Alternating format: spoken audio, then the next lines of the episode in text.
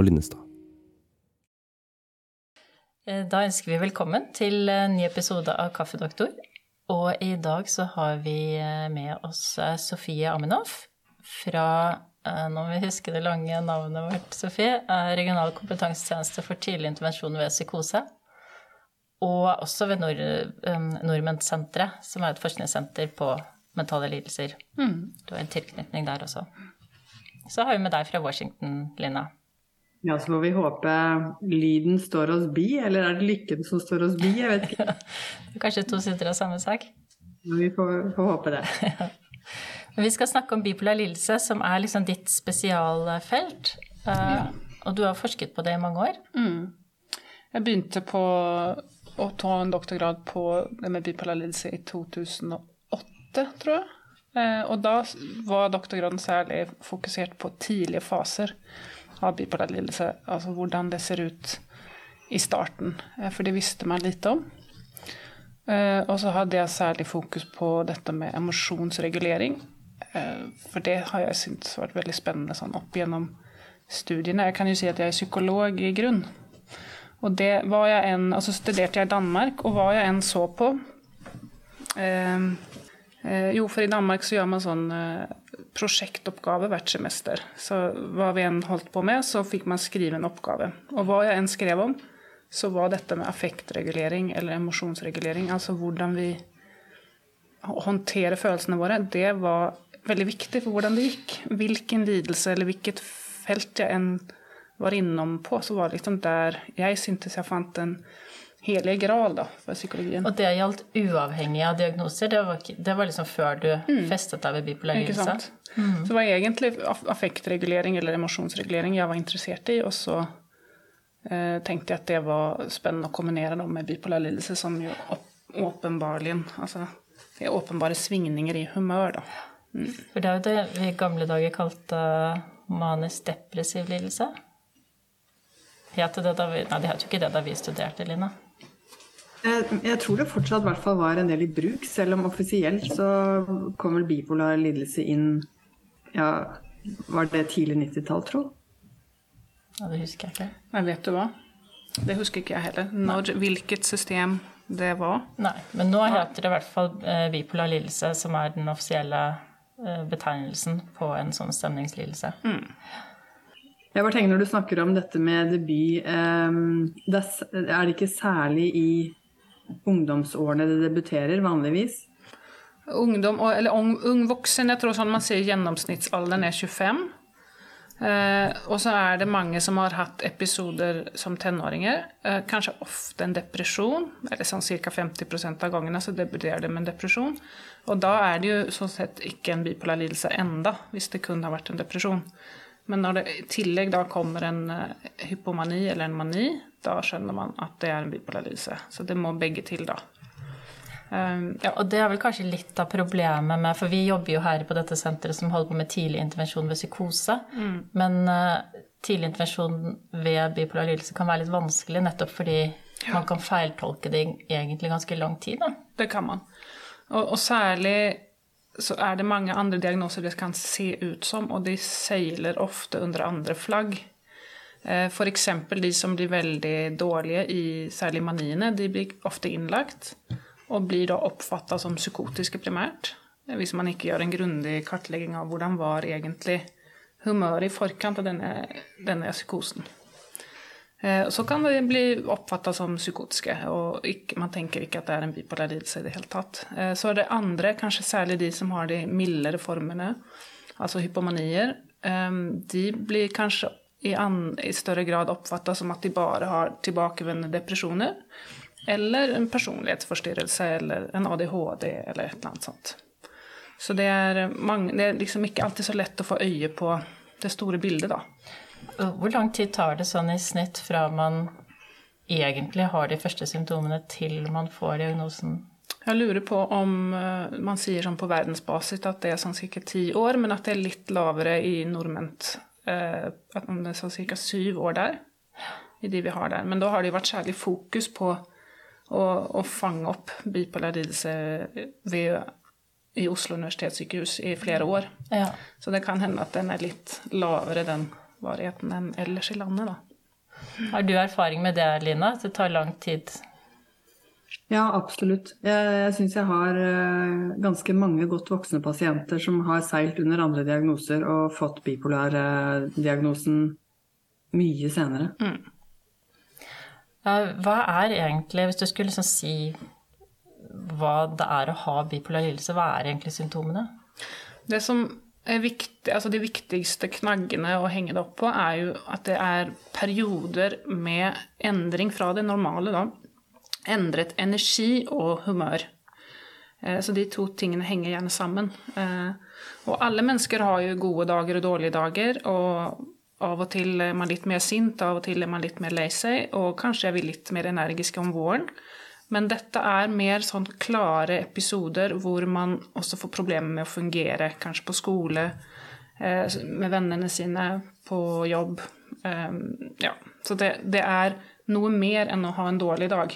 Og det er ofte da minst to uker for en depresjon, eh, hvor du mister kanskje gleden og interessen over ting du vanligvis liker. Du føler deg trist, lei deg eller tom, er det noen som føler. Du, eh, du, eh, får ikke konsentrert deg på samme måte som før. Du kan få lavere selvtillit eller selvfølelse. Du føler deg verdiløs. Og det kan gå veldig, veldig langt, den der følelsen av verdiløshet. På så langt at du kan føle at det er ikke noe poeng at jeg lever lenger. At det er en som driver inn i selvmordsrisiko, da. og det er jo også et kriterium, dette med selvmordstanker eller forsøk. Eh, så er det noen som får problemer med søvn. Noen sover veldig mye. Eh, eller så sover de nesten ingenting.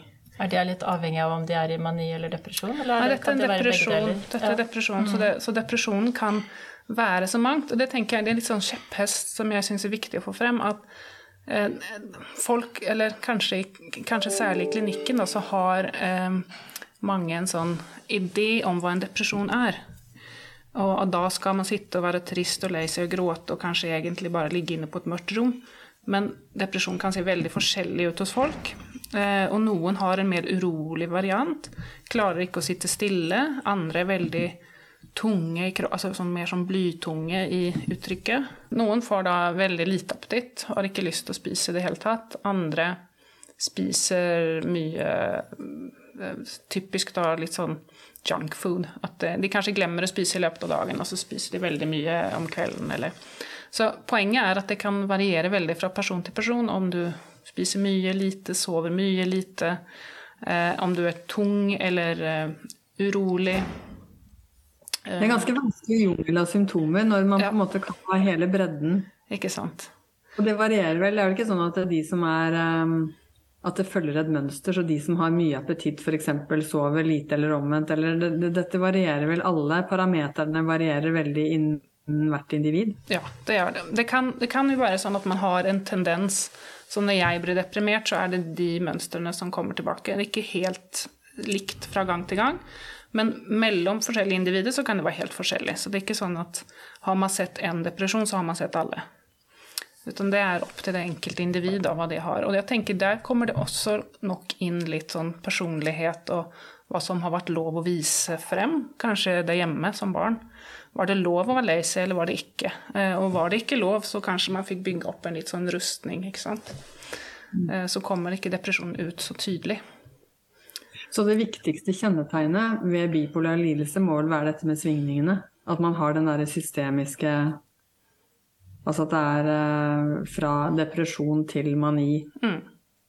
Periodevis. Men, men, du kan vel også ha mange depresjoner etter hverandre, og så ha en, ha en mani? Så det er jo ikke et helt sikkert system der. Det er ikke noe sikre system i det hele tatt. Og, og noen har jo kanskje én mani i løpet av livet, og kanskje én depresjon, og så var det det.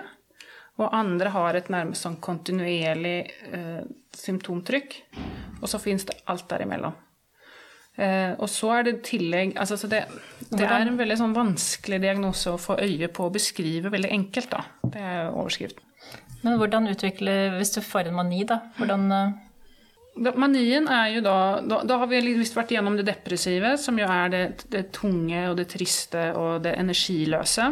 Så har vi det på den motsatte polen, da, altså disse to polene, så har vi et energisk tilstand. Altså her har vi plutselig økt aktivitet, økt energi.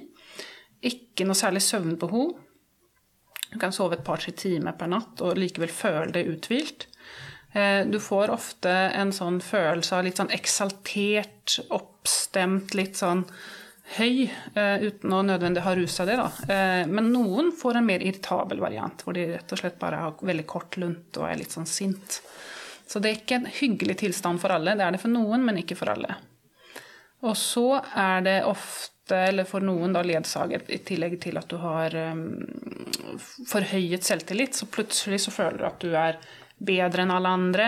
Eh, kanskje til og med Guds sendebud på jorden. Du skal ordne opp. Eh, så du, du, får, du, får, en opphevet posisjon. Og den kan jo også da gå inn i en mer psykosekvalitet, hvor du mister helt bakkekontakten. Men man kan jo godt på en måte leve seg inn i at hvis du ikke bikker over i det irritable, eller der hvor du på en måte Kanskje med en sånn hypoman tilstand, da, mm. ikke helt manisk, at det er en veldig at, For det er mange pasienter som sier at det er en tilstand de egentlig kan like. Mm. Og det kan man godt forstå, for det er jo på en måte å være energisk og mm. se muligheter og ha masse ideer uh, og egentlig relativt god selvtillit. Mm. Så man kan godt se at man kan savne den uh, med den behandlingen vi gir noen ganger, da. Fordi mm. mye av behandlingen vår går vel på å prøve å flate ut litt. Ja, det, det, gjør den, men samtidig, jeg, jeg syns jo at eh, Altså dette med hva altså, For det er, det er, veldig komplisert. For noen har jo, selv om de har da hypomanier, som er de mildere formene, så er det ikke nødvendigvis koselig heller. For noen er det det. For noen er det utelukkende godt tilstand med økt kreativitet og sånn, men ofte er det en litt sånn spiss tone der du har ikke du har ikke tålmodighet til kjæresten din kanskje på samme måte. Du, du, du litt, tar litt over i situasjoner. Du snakker litt mer enn du pleier. Du blir litt larger than life. Eh, selv om du ikke er psykotisk, så, så er det ikke sikkert at det er uh, heldig for ens hva man si, det totale Du kanskje mister noen venner på, på, i farten og ja. Mm. Men, mens no, for noen er det bare, bare, bra. Så det er jo forskjellig, ja. Eh, men, men, jeg syns at selv om folk har god behandling altså Noen kanskje mister helt disse svingningene, men jeg syns jo ofte at selv om man har medikamentelt behandla en bipolar lidelse, så syns jeg at man som regel kan finne et nivå hvor man likevel kan klare å være, få lov å ha seg selv med. Da. Ja, og det er vel der vi. Når medisinen virkelig treffer, så er mm. det, det er der vi ønsker at den skal treffe. Mm. Men hva er deres erfaring med um, Jeg tenker med mennesker med bipolar lidelse, så er det noe med å ha disse um, behandlingsalliansene, sant. Og dette å ha um, tydelige regler på når man skal ta kontakt, f.eks. Mm. Fordi at uh, ute i det virkelige liv så er det jo ikke så veldig mange av disse menneskene som er så veldig hyppig i kontakt med psykiater, etter min erfaring, eller ja. psykolog. Uh, og da blir det litt opp til um, fastlegene å, å ha jevnlig kontroll. Og min erfaring med disse pasientene er jo veldig ofte at de når de begynner mot en mani, så eh, tar de ikke kontakt lenger, selv om det er avtalen. Mm. Og så blir de kjempesyke før man eh, egentlig får tak på dem igjen, ikke sant. Mm. Selv om det er masse, eh, masse eh, lister med plan for hva man skal gjøre hvis det og det og det skjer. Mm. Det er veldig gjenkjennbart. Og det, det, I noen tilfeller så kan det fungere da å, å en, involvere pårørende, sånn at de er de som tar kontakt med fastlegen f.eks., eller psykiatrisk legevakt når det begynner å når det og det skjer. Og det som kan være lurt da, er å ha en kontrakt hvor den pasienten og den pårørende blir enige om hva den pårørende får lov å gjøre. Og dette, dette kontraktet skriver man på i, når man er seg selv, når man er frisk. Sånn at uh, den pårørende har litt sånn Har fått lov av den friske jeg til å gjøre sånn og sånn. Uh, og det kan fungere for noen, men, men ikke for alle. For, for, noen mister jo helt hva skal man si, sykdomsinnsikten. De skjønner ikke at de er syke når de er på vei inn i mani. Og da vil man ikke ta imot hjelp, og så så, så, så blir det da innleggelse. ikke sant? Så det er ikke alt man kan organisere seg bort fra, tror jeg, dessverre. Hvis du skulle si litt om hvordan man behandler Mm. en bipolar lidelse.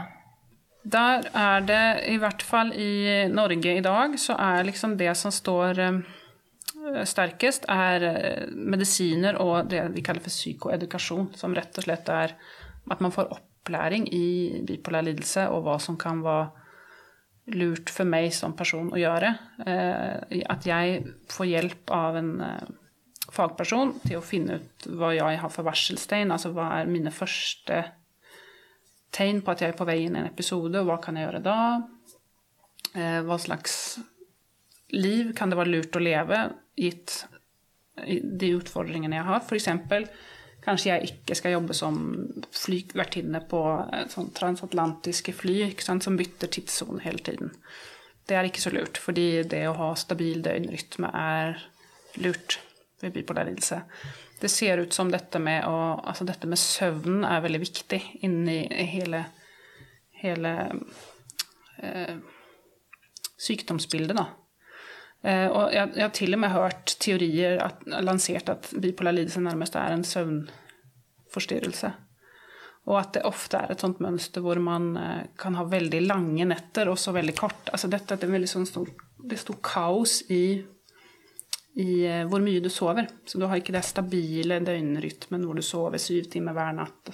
Men det er litt sånn, sånn plutselig så døgner du, og så sover du 14 timer, og, så, og at det kan være med å, å spille inn, da. Og det er jo derfor type søvndagbok Mm, kan være viktig. mm, absolutt. Jeg må- eh, Vet man om det kan ha med en forstyrrelse i melatoninnivået å gjøre? Siden det er en sånn uregelmessighet i døgnene? Jeg, jeg vet ikke på sånn detaljnivå i hvilken grad nettopp melatonin er involvert, men, men selve den biologiske klokken har jo, har, har jo vist seg å være involvert på et eller annet sett. Jeg tror ikke det forklarer hele sykdomsbildet, men, men på sånn gennivå så ser man at det kan være avvik særlig i forhold til den biologiske klokken. Det er noen gener som er inne og regulerer der også. Men jeg tror jo som ved bipolar lidelse som ved alt annet at det finnes mange veier inn. Eh, og noen har nok en litt mer sånn søvndrevet variant, og andre har en kanskje litt mer traumedrevet variant, og noen har en litt mer rusdrevet variant. Og ja, at vi har forskjellige veier, da.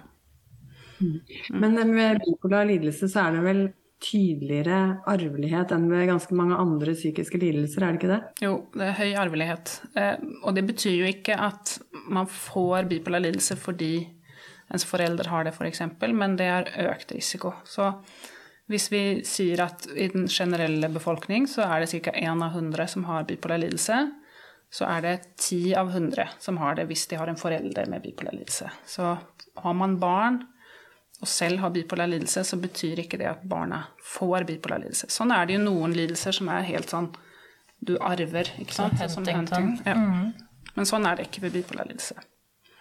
Men når man da ser at det er en større, tydeligere ar arvelig komponent enn med en del andre, er det Knytter man det da tettere opp mot biologi enn man gjør med andre psykiske lidelser? Ja, sånn historisk sett så har man knytta Man har, tror jeg man har sagt at det er sånn 80% som forklares av arvelighet. Eh, og så Dette er litt sånn komplisert, syns jeg, og det er ikke sikkert at jeg er riktig person til å svare på det heller. Men jeg tenker jo også at det er mye delt miljø inn i arvelighetskonseptet. Altså hvis man vokser opp i en familie med mye kaos fordi mor har bipolar lidelse, f.eks., så, så gjør jo det noe med barnet også. Eh, Så det er ikke, ikke, nødvendigvis genene de har arvet, men miljøet er jo også delt. Eh, og i hvilken grad det er liksom forklart inn i det der arvelighetsbegrepet, det er jeg litt usikker på. Det er ikke, jeg, eh, det er ikke mitt Det er jeg faktisk også litt usikker på. Ja. Det betyr jo at familiestøtte uh, uansett er viktig. ja. Uh, for det er jo ikke sånn at man vil si at uh, mennesker med bipolar lidelse ikke skal ha barn, og ikke skal få lov til til å få barn. Absolutt ikke. Nei, og familiearbeid er jo også anbefalt i retningslinjer. Sånn. Jeg er usikker på om det er liksom et systematisk tilbud rundt omkring i Norge. Det tror jeg faktisk ikke.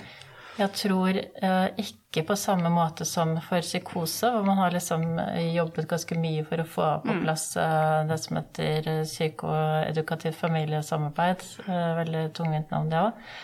Men systematisert familiearbeidet rundt de pasientene, så har man ikke gjort det samme i forhold til bipolar lidelse, og det er jo egentlig veldig, veldig merkelig. Fordi eh, for det første så deler de jo noe overlapp sånn både genetisk, mener man vel, men i hvert fall rent praktisk, eh, med perioder hvor man kan være psykotisk òg. Du har jo faktisk stått bak en stor internasjonal publisert artikkel for nylig som vi så på akkurat psykose i bipolar lidelse. Ja.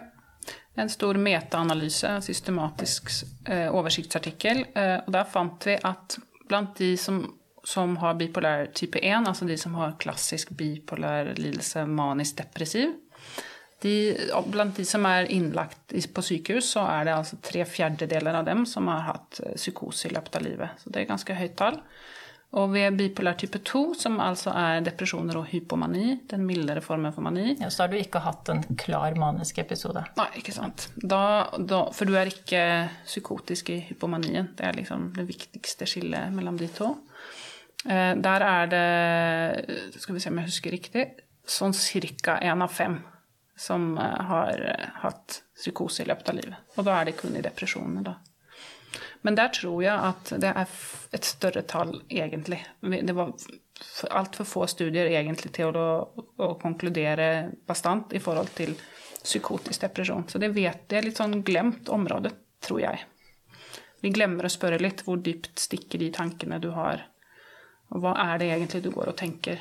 Eh, og der tror jeg det er mange som går og har psykotiske vrangforestillinger i sine depresjoner, som vi ikke får tak i.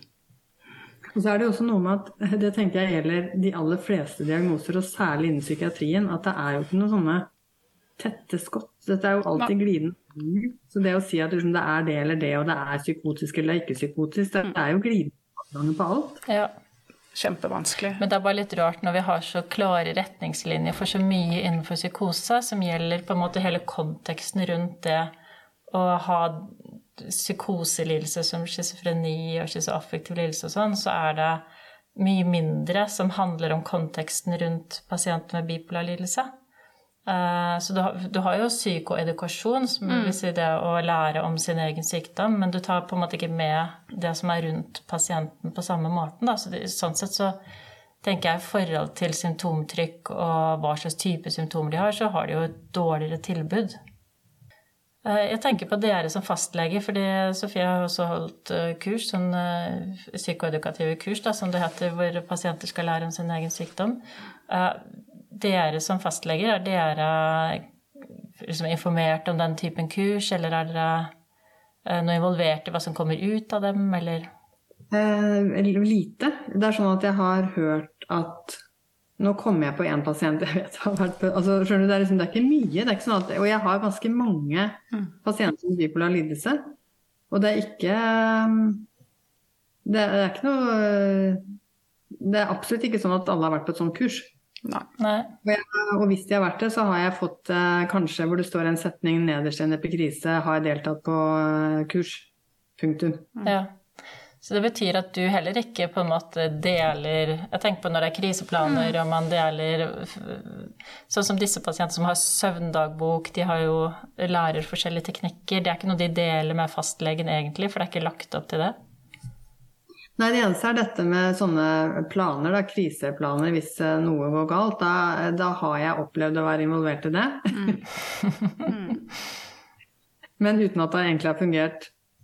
Så jeg, jeg, jeg har jo ikke Du har egentlig aldri opplevd noe som har fungert.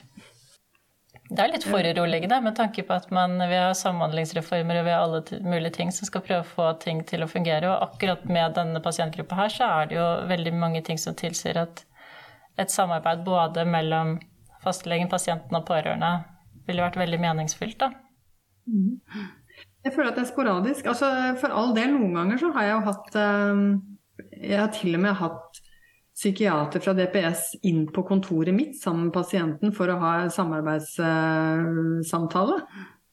Så det har jo vært alt fra null til 100, holdt jeg på å si. Vi, det virker veldig tilfeldig hva som skjer når. Line er ikke så veldig imponert over psykisk helsevern i utgangspunktet. Så det, Men det hørtes jo veldig fint ut å få psykiateren inn på kontoret. Det syns jeg var virkelig til Ja, det er Jeg føler jo egentlig ikke at det fins noen psykiatere på DPS noe sted. Ikke sant? Nei, nå må, ikke, jeg- nå må ikke jeg begynne, for da har vi det gående. ja, men jeg skjønner jo frustrasjonen. Jeg hørte altså det var noen som var frustrert over et sted i landet hvor de har hatt psykoedukativt eh, arbeid, på Vestlandet, hvor eh, det nå plutselig er spart bort. Og det står personer på venteliste.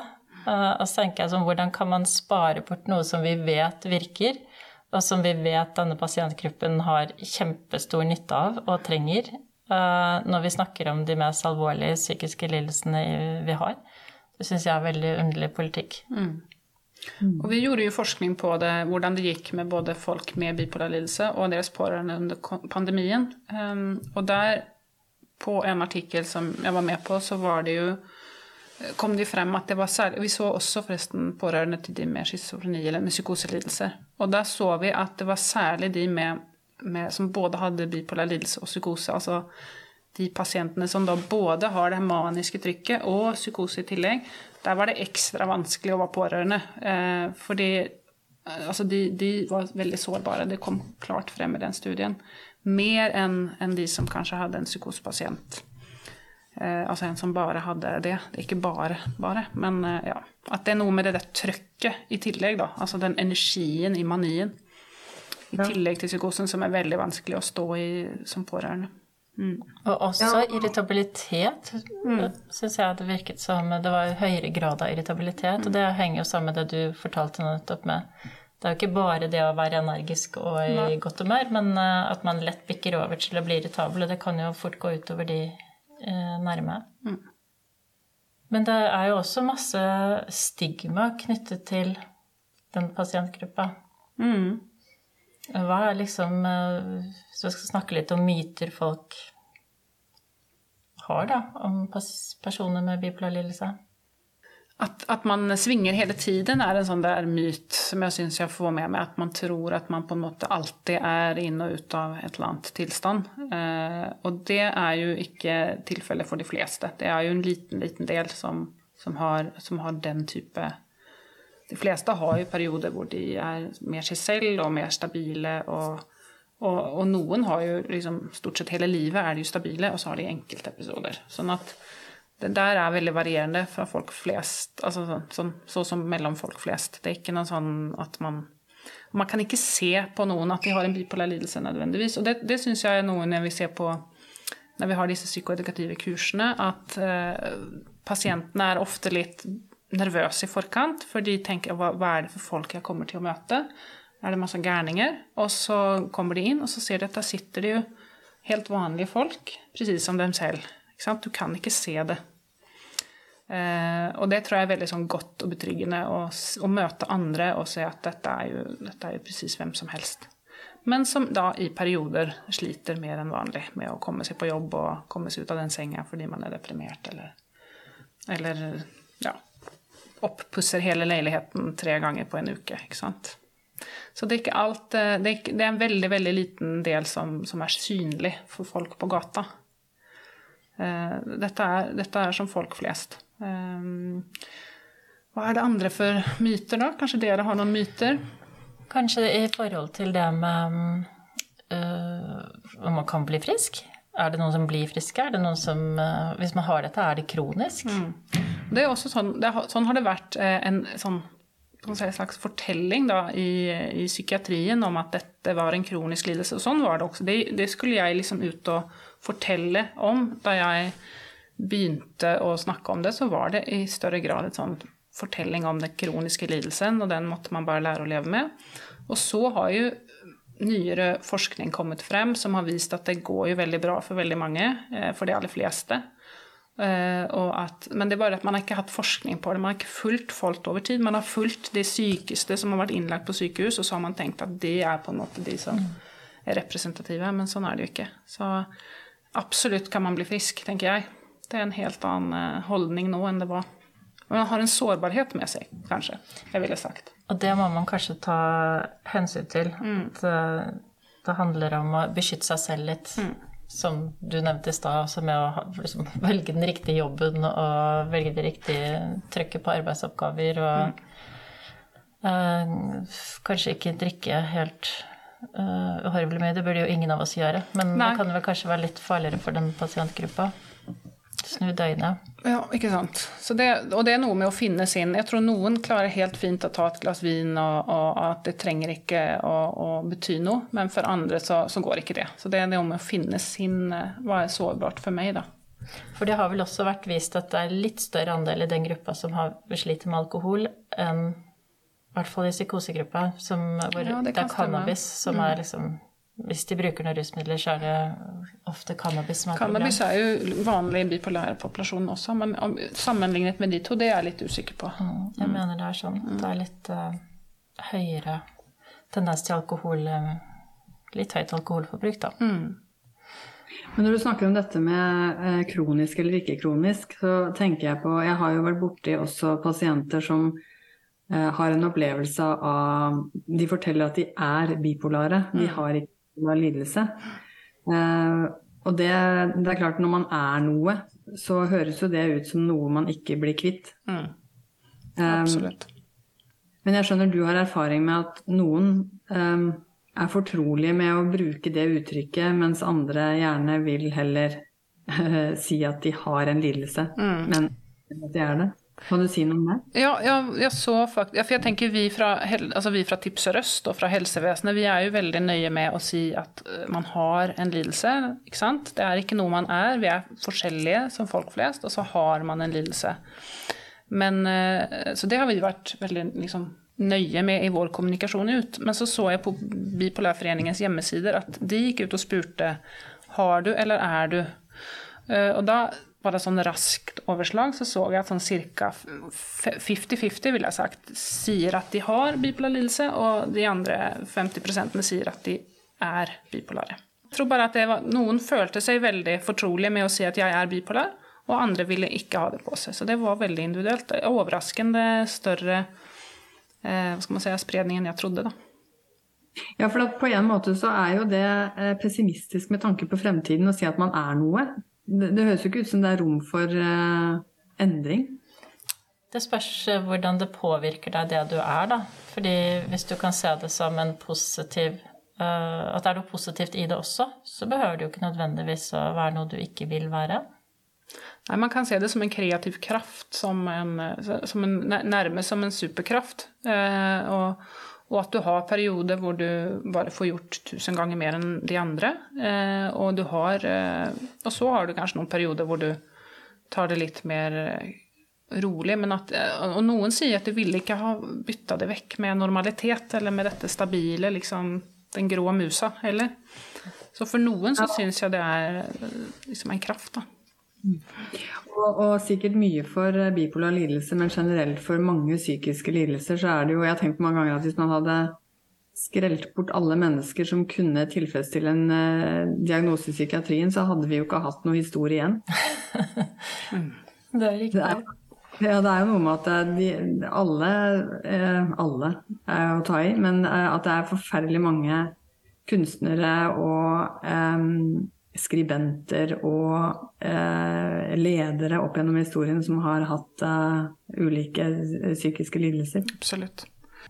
Ja, Churchill hadde vel bipolar lidelse. Ja, det har jeg hørt noen rykter om også, ja. Og Hemingway og mange, mange av de store.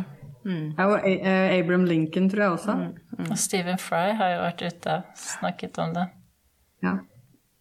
Og det er for så vidt, jeg tenker at det er positivt, for det gjør jo at man eh, For det er noe med at noen ting må man bare leve med. Man kan ikke helt kvitte seg med det. Og at det går an å leve med noe og likevel få til masse. Eh, Så det handler kanskje også om å skifte fokus. Den, den greia er der, men det er ikke det Det er ikke der jeg fokuserer. Nei. Samtidig som jeg tenker det er kjempeviktig å anerkjenne at dette kan være en potensielt veldig alvorlig diagnose, hvor særlig da selvmordsforsøk eh, og selvmordsrisikoen er jo økt. Da. Så de bør ha kort vei inn til skikkelig god behandling. Det tenker jeg er liksom Sånn burde det være.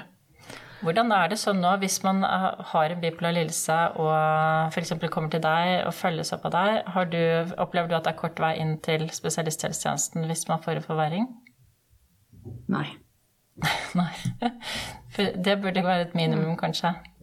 Ja. Nei, jeg, jeg gjør jo ikke det. Jeg, jeg, det er klart det er enkelte pasienter jeg har fulgt over tid hvor jeg har litt tettere bånd inn til psykiatrien fordi de har vært fulgt der. Men jeg, Det er sjelden jeg kan si at jeg syns øh, um, samarbeid med psykiatrien fungerer godt. Altså jeg må bare si det. Mm. Det krever ofte lange Altså det å bare kunne ta en telefon er jo helt umulig. Eh, og så er det jo å skrive lange brev, og da ja, for jeg tenker Med denne typen pasienter så mister man jo utrolig verdifull tid uh, hvis man ikke kan liksom komme raskt i posisjon. Uh, så jeg tenker jo det er alfa og omega for at vi må ha gode systemer der som gjør at vi hjelper hverandre, da. Mm. Uh, og til syvende og sist hjelper pasienten. En ting er disse kjente pasientene som er kjent i psykiatrien, som er kjent hos oss og som har fått en diagnose for en del år siden. Men en annen ting er dette med eh, tidlig intervensjon. Mm. Eh, hvis man har mistanke, mistanke om at det kan være kanskje ikke en tilbakevendende depresjon, men at det er en bipolar lidelse man snakker om. Hvor mye har det å si for um, prognosen at man kommer i gang tidlig? Der er det jo ikke alls så mange studier som ved psykose, for der vet vi jo at det å komme tidlig til eh, er viktig for prognosen. Det er litt mer uklart i forhold til bipolar lidelse, men det, det begynner å samle seg opp eh, nok kunnskap nå til at man kan si at det er lurt å komme tidlig til også her. Og det er jo som, eh, som en klok mann en gang sa, at det, selv, selvfølgelig så er det jo bedre hvis man ikke går med veldig mye lidelse over lang tid. Altså at man får hjelp med alvorlige symptomer tidlig. At det, det, det sier seg selv på en måte. At, at vi, vi, trenger hjelp når man sliter så, så som, som, disse pasientene kan gjøre. Ja. Går det an å si noe litt sånn um, til fastlegen om um, og for så vidt også til pasientene, selvfølgelig, om når bør man tenke bipolar lidelse og ikke tilbakevendende depresjon? Er det noen tommelfingerregler der man sier at eh, her bør man mistenke noe annet enn at det er depresjonen som kommer tilbake? Eh, de sånn klassiske tommefingerreglene er jo hvis du har en veldig veldig tung depresjon redan fra barnsben, altså tunge, tunge depresjoner hos barn, særlig da i familier hvor det er bipolar lidelse, så skal den røde flaggen virkelig opp. Og i det tillegg da psykosesymptomer, eh, så øker risikoen også.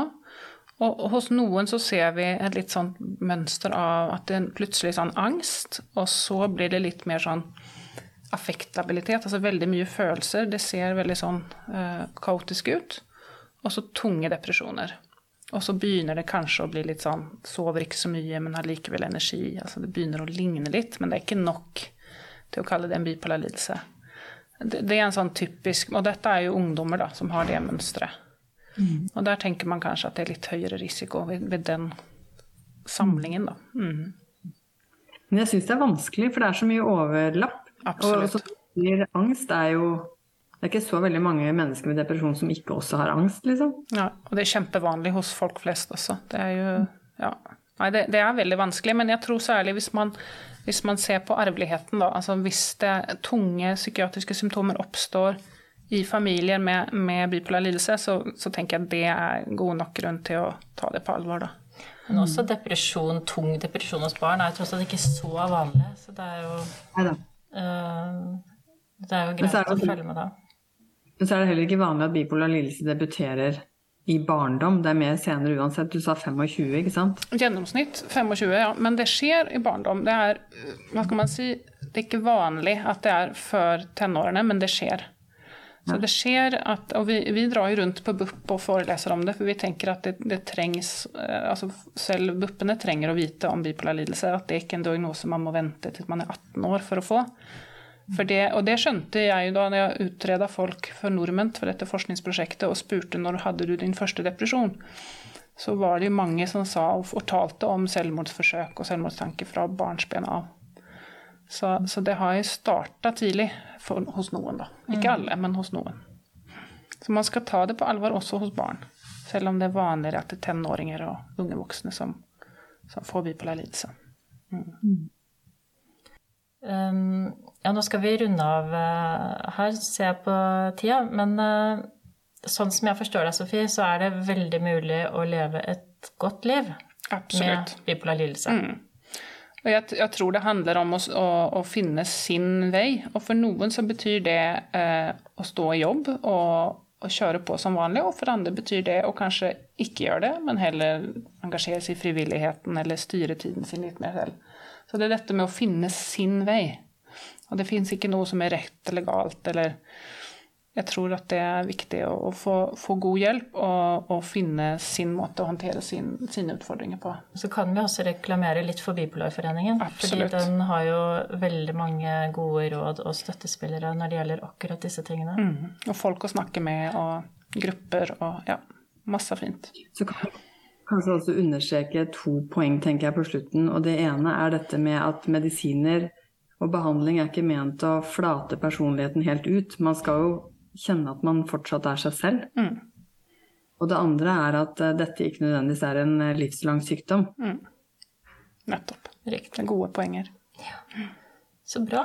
Tusen, tusen takk for at du ville komme, Sofie. Bare hyggelig. Takk tusen for at jeg fikk komme. Så sier vi som vi pleier, Lina. Eh, livet er ikke det verste vi har. Og bitte litt av pulverkaffen klar.